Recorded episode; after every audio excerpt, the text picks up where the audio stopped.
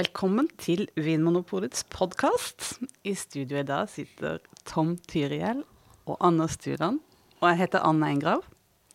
Og i dag skal vi snakke om gewürztraminer. Jeg sier det veldig tydelig, for det er litt vanskelig ord å skrive. Men det er ikke like vanskelig drue å kjenne igjen, kanskje. Er dette en tysk drue? Gewürztraminer? Det høres nesten sånn ut. Ja, det gjør i grunnen det. Men er det en drue? Ja, Ja. Det er det. Ja, det er det. Ja, det er, ja, det er det. Det er det faktisk. En drue in disguise. Ja, men gevirstraminer er en av de mest kjente druetypene. Selv om det kanskje er en av de minst drukne Nei, kan man si det? Druk... Drukne. Kons konsumerte. Ja, men Det er en drue som de fleste har hørt om, men som de færreste eh, har i glasset. Ja, det er sant. Jeg Er inne på noe der? Du er inne på noe der. Ja. Vin, men det er jo allikevel en drue som eh, i en sånn eh, grunnutdanning, eh, vin, så kommer man gjerne innom eh, gevirstraminer, for de har noen sånne egenskaper som man gjerne vil eh, sjekke ut da, og lære mer om. Ja. Og så er det en klassisk drue. Og det er altså da en, det er en grønn drue. Så den brukes da til å lage hvitvin. Ja, det kan aldri være en rødvin. Nei. Men så er det sånn at det skallet, når druen er moden, så får skallet en sånn farge som er litt sånn brunrosa, faktisk. Så de er, de er liksom ikke grønne når de er modne. Eh, og så har jeg da Og da, da ble jeg litt sjokkert, faktisk. For eh, jeg leste at det er gevirstraminer er egentlig bare en klon av en drue som heter traminer. Som egentlig er mindre kjent. Ja. Ja, Så det er egentlig bare en versjon da, av eh, eh, traminer. Som man kan bare kalle traminer hvis man vil. Hvis man vil være litt vrang, på en måte. Nettopp. Ja. Og traminer har også et annet navn. Savagnin. Savagnin. Ja. Savagnin. Ja. Nettopp. Mm. Men hva smaker en gewürztraminer? Gewürztraminer. Og, og den smaker mye. Den lukter mye og smaker mye. Um, og hva skal vi si? Roser, nyperoser, litchi, papaya. Hva mer, Anders? Eh, ja, det kan være uh, eple, pære, aprikos, kløver, honning, kaprifol, litchi, roser, furunål, kanel, kardemomme, muskat og røyk. Det er det jeg har, Du har ikke et par ting til, da? det var litt lite. Litt knapt. det er det jeg har skrevet opp som mine uh, aromaknagger for, uh, for gewürztraminer. Og det, Det er mange. det er mange ting. Og det, eh, jeg tenker eh, Hvis jeg skulle jobbet med parfyme eh, for eh, sånn 40-50 år siden, eh, så er dette kanskje sånne aromaer man ville liksom prøvd å få fram i en, i en parfyme, for Jeg trodde du sa hvis du skulle lage parfyme for 40- og 50-åringer. Ja, ja. ja, det er kanskje aller helst eld- eldre enn det til og med, da. Ja. For, for det er noe litt sånn eh, Dette litt sånn krydra og litt tunge, sånn pågående sånn blomsteraromaene som kanskje er det tydelige og litt fascinerende med gevirstraminer, men som også er gevirstraminers fiende, på en måte. I denne moderne, litt sånn kalde, konforme, grå og syrlige vinverden som vi er inne i nå. Ja. Ja. Alt skal bare være stein og syre, nærmest. Ja! Ja, for det er noe sånn nesten dekadent over den, med all den der overveldende rike smaken og lukten. Man burde nesten et ord som odør, på en måte. Det er, det er som en Ja. ja. faddy siècle eller et bilde av Gustav Klimt, eller hva man skal si. Det, og det er ikke så mange andre viner som er på den måten lenger, så det er en sånn herlig utidsmessig. Utrendy. Ja, helt enig. Men Ja. altså, druen regnes jo for å være da en- det man kaller en aromatisk druesort. Og det lever den opp til. Og det, ja, det gjør den jo eh, virkelig. Eh, og det er jo flere druer i den gruppen som man kaller for aromatiske. Sånn som uh, muscatel og torontes, som brukes mye i Argentina f.eks. Uh, men også Sauvignon Blanc regnes også for å være en sånn aromatisk drue, druetype. Og det er jo druer som byr på seg selv, eller på en måte som setter et veldig preg på vinen. Eh, kanskje mer enn det liksom vinmakingen gjør. Ja. Ja. Nettopp. Det er godt sagt. Og så er det noe med det at eh, med den derre tunge og eh, litt sånn pågående, insisterende aromaen Hvis du legger det sammen med det at det er ganske lav syre Noen av de, den vintypen med lavest syre, vil jeg påstå. Og en litt sånn oljete munnfølelse. Så blir det hele litt sånn tungt. Det er ikke noe sånn eh, Det er ikke en aperitiff, liksom. Nei, det er, ikke, det er ikke som champagne eller en Riesling eller en. Chablis eller noe. Det er ikke, nei, det er ikke friskt. Det er mer rund, og det er, det er litt å ta i, på en måte. Mm. Fleskt.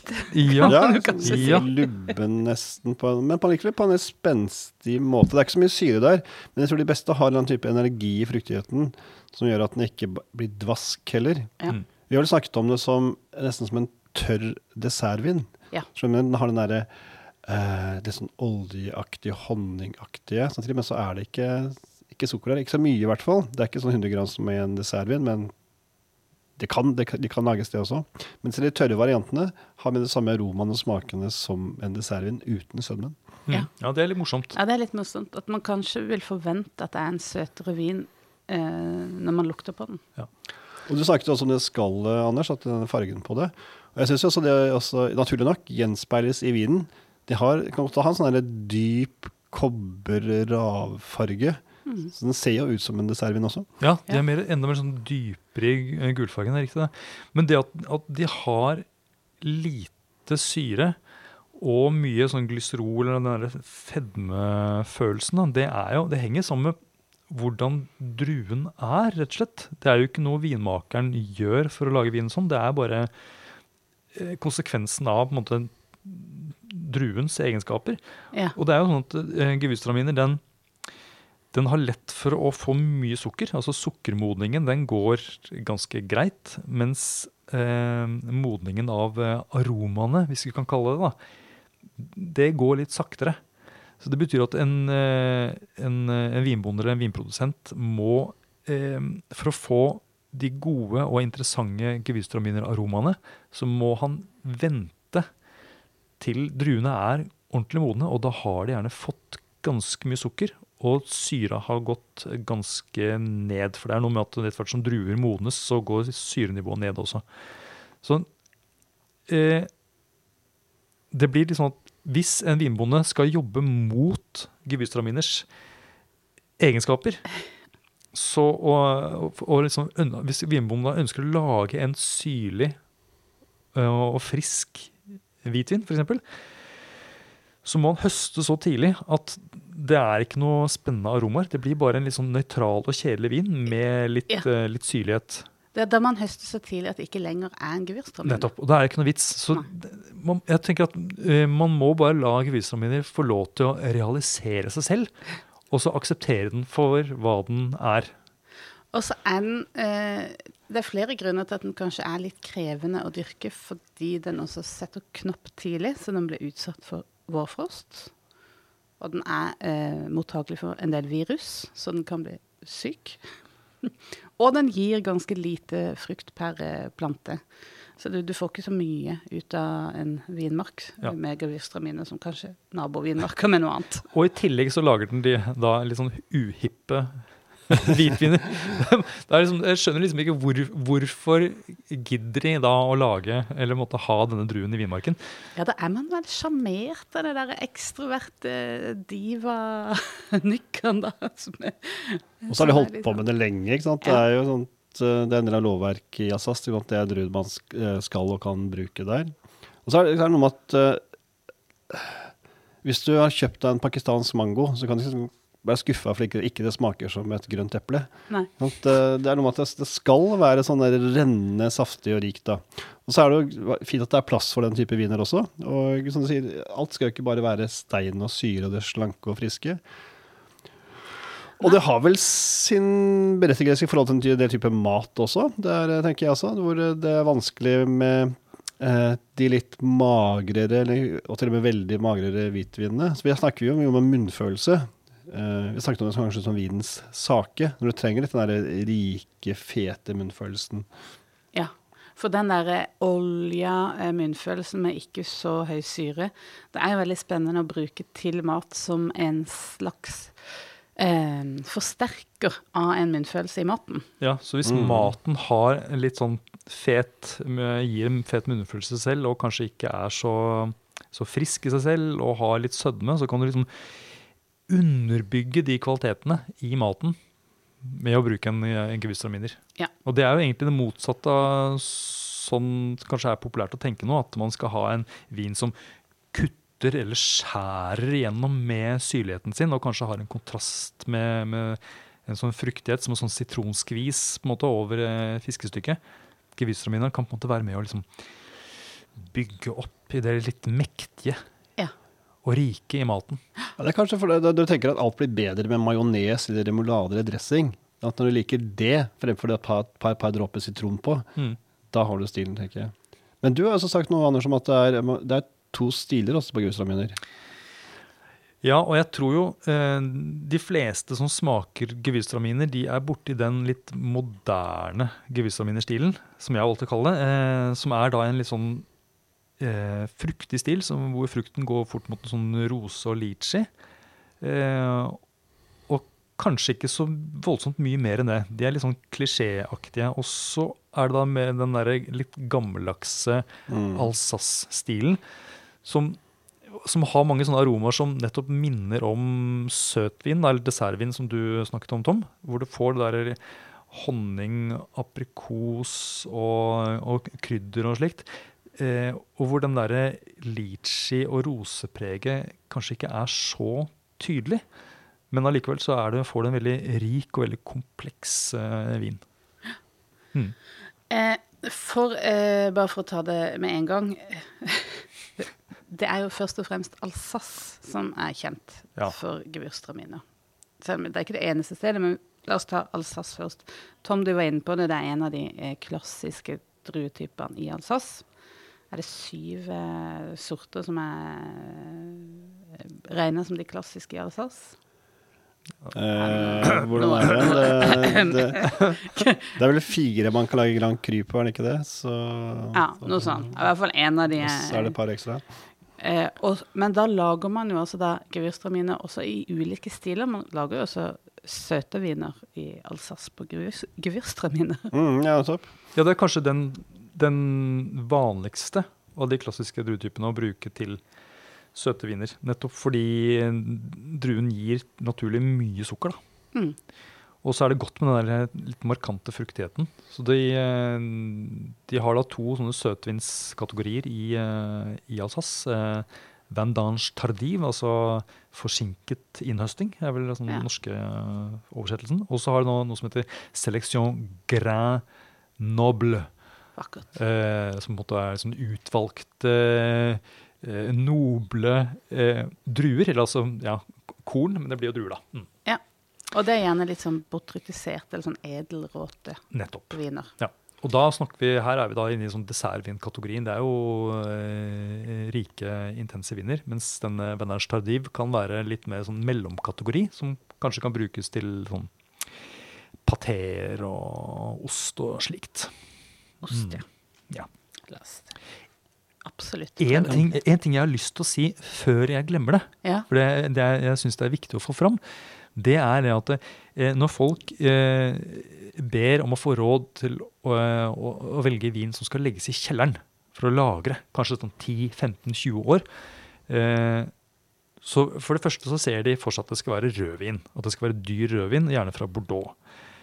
Eh, og så kanskje de eh, kan tenke at det skal være hvitvin, men da bør det være hvit burgunder eller Riesling. Gjerne noe med høy syre. Og gjerne noe med høy syre, nettopp. og en del fatpreg er også heller ikke uvanlig.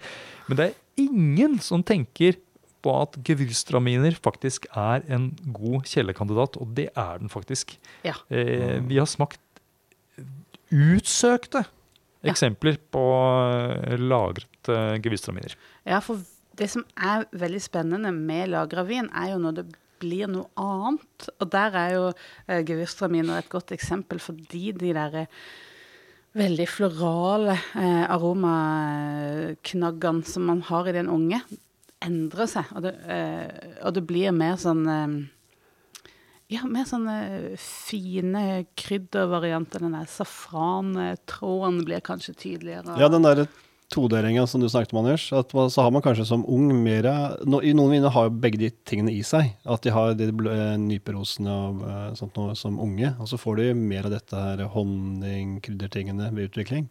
Så Ja. det mister man jo. Men eh, altså de blomstene. Men det er, det er poenget også, eller ofte, at de skal endre seg.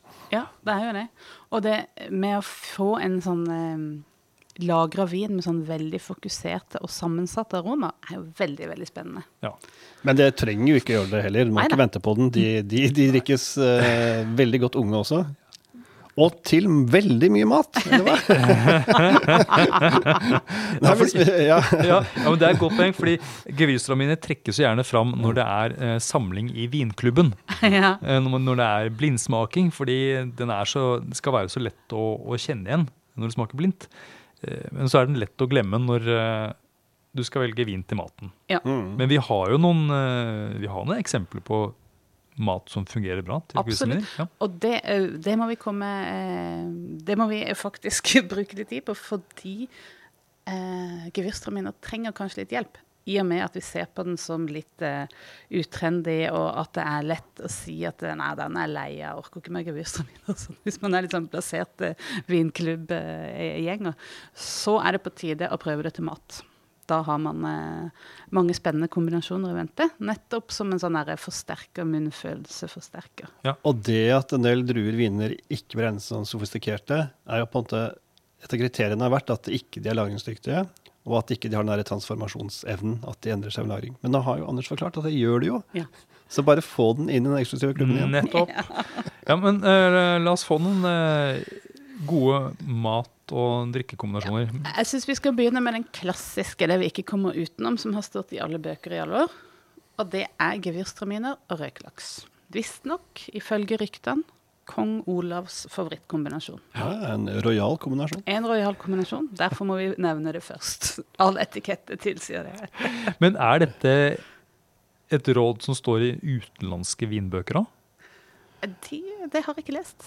Men da bytter du ut med andre konger eller prinsesser eller diktator eller det der, da. Ja, men jeg er helt enig. Og Vår det, er, hersker synes ja, og det er noe med det- det salte og det røykpreget i røykalaksen mot den der, eh, både sødmefulle frukten, men også at det er en del sødme veldig ofte i gewürztraminer. De kan gjerne ha sånn 10-20 gram sukker, som fungerer veldig godt. Og sånn derre glattheten i laksen og Ja. glattheten i vinen. Et veldig godt eksempel. Ja. Også vil jeg si eh, gravlaks, som er mer sånn dillprega, og en sånn derre dillstua poteter. ja. Tipp topp med gevirstraminer. Og der, den der eh, sennepssausen Å, til gravlaksen, den er jo ofte veldig søt. Så igjen, så her er det rom for gewürztraminer. Absolutt. en av mine signaturretter, det var det i hvert fall. Løksuppe? Ja, Det er en av dem, det også. Du sa Men det var det. Men dette her er det, er det er laks, og ikke med bringebærsaus. Men det er laks med eh, sjalottløk og mango. Og det tenkte jeg da den har, jeg- Det har jeg ikke prøvd gewürztraminer til, men det tenker jeg der vil det sikkert passe veldig bra. Mm. Og det er en sånn der fete i fisken mot dette her fruktige mangoen. Det vil jeg Må tro. prøves Ja. av meg selv. Noe annet? Ja, og så tenker jeg også Vi har vært inne på sånn eh, mat med litt sånn fet og glatt munnfølelse, men også mat med tydelige aromaer, som vinen jo har. Og da tenker jeg thailandsk mat er jo eh, veldig liksom Tegnene er jo at det er veldig sånn aromatisk. Mm. Sånn eh, kokosmelk, sitron, gress, ingefær. eh, Alle disse limeskall, alt det der. Den type tydelige aromer. Og hvis man da velger en som er litt mer mot den uh, Alsace-stilen, med litt sånn rikere litt sånn krydret frukt, så kanskje sånn uh, for Det er liksom mer sånn soyasaus og sånt involvert, kanskje? Eller- Ja. ja. Eller også indisk, som er sånn innkokt. Å ja. Det har jeg ikke prøvd, altså, mm. jeg innrømme, men eh, det kan jeg tenke meg godt. En korma. En, oh, yes. Mm. Og jeg tenker også den blomsterstilen til sånn type chèvre eller salater. Ikke sant? I, for, eller I tillegg til den gode olivenoljen, så får du da altså den uh, grusramineren i tillegg. Eller den andre stilen, den der mer tørre søtvinstilen, til ting du kan godt tenke deg å helle litt honning over. Ja. Sånn som f.eks. en blåmuggost. Topp. Ja, ja, ja. Mhm. Og til Münster, da, denne alsassiske eh, ostespesialiteten. Ja. Som jeg eh, det, er- det er en litt spesiell ost, altså. Litt krevende. Litt sånn fjøs, fjøsost. Ja, det er ikke mange drikker som fungerer bra, men uh, gewürztraminer Sikkert gewürztraminer. klarer seg bra. Men er det derfor man ikke liker smaken av osten, så den skal overleve? Nei, men den har Det er en som med gammel ost. Ta et eller annet som smaker veldig mye. Men det slipper jo gjennom eh, den gode sida av osten, og kanskje demper litt den fjøspreget. Ja, for det er den som gjerne blir tydeligere Ja. i møte med, og spesielt rødvin. Rødvin og munster, det, det, det er Styr unna. Ja, det syns jeg ikke er spesielt godt. Men, ja. mm. Hvis du kunne tenke deg å uh, ha mango i maten, er det sånn, kan, man, kan det passe med gewürztraminer da? Eller er det for enkelt å si det sånn? Jeg tror, jeg tror ikke jeg ville låst det til bare det. Nei. Har du hørt om retten laks med skjorteløk og mango? Mm, den, Den, ja. Din Den tror jeg det passer til. jeg har ikke sugd Det er en mangorett. jeg har ikke sugd av eget bryst. Men and og appelsinsaus. Ja, og det har jeg ikke prøvd, eh, men det har jeg veldig tro på. Eh, Mm. og hvis noen av dere som hører på denne podkasten, prøver det, send oss en e-post. Inviter oss. Og, én ting til, fordi man Jeg tenker mango, ja, men enda mer papaya. Ja. Ja, men hvem er det som har papaya? av Nei, men hør nå, hør nå. Hør nå, hør nå. Smaken av gruslaviner er mer papaya. Og så har du da Ja. grønn papayasalat. Ja, vet du, Hvis jeg ønsker å forsterke Ja. den uh, papayasmaken der, da Ikke mangorett, Anders, men papayarett. Nei, men du, du har rett i det at det ofte smaker mer papaya, men altså, papaya er jo en litt obskur en, Det er sjelden den er- frukt i norske sammenhenger. Ja. altså. Grønn papayasalat. Grønn papayasalat. ja da, ja da. ja da. Ja. Ja. Ja. Nei, jeg, tror vi eh, kommer i mål, jeg, på et Mhm. vis. Jeg syns vi skal ja, være Ja. grei mot gewürztraminer. Også dette med vinklubb tenker jeg er et godt poeng. Mm. At uh, det gir en veldig god mestringsfølelse. Det er en drue som er lett å kjenne igjen. Den skiller seg så mye ut. Ja. Så skal du starte vinklubb, bare som begynner å lære, ta med den som en av de tre første vinene dere smaker. Enig. Hvilke to andre skal du ha, da? Da tar du terminer og så Gebus. Nei, da tar du, da tar du chardonnay og Riesling. Ja, ja, det er ikke dumt. Det er ikke dumt. Mm. Nei, det støtter jeg. Yes. Det var det siste rådet fra oss Mm. i dag. Takk for nå. Ha det. Takk for at du hører på Vinmonopolets podkast. Har du forslag til et tema i podkasten? Send mail til podkast at vinmonopolet.no. I tillegg svarer kundesenteret deg på e-post, chat og telefon.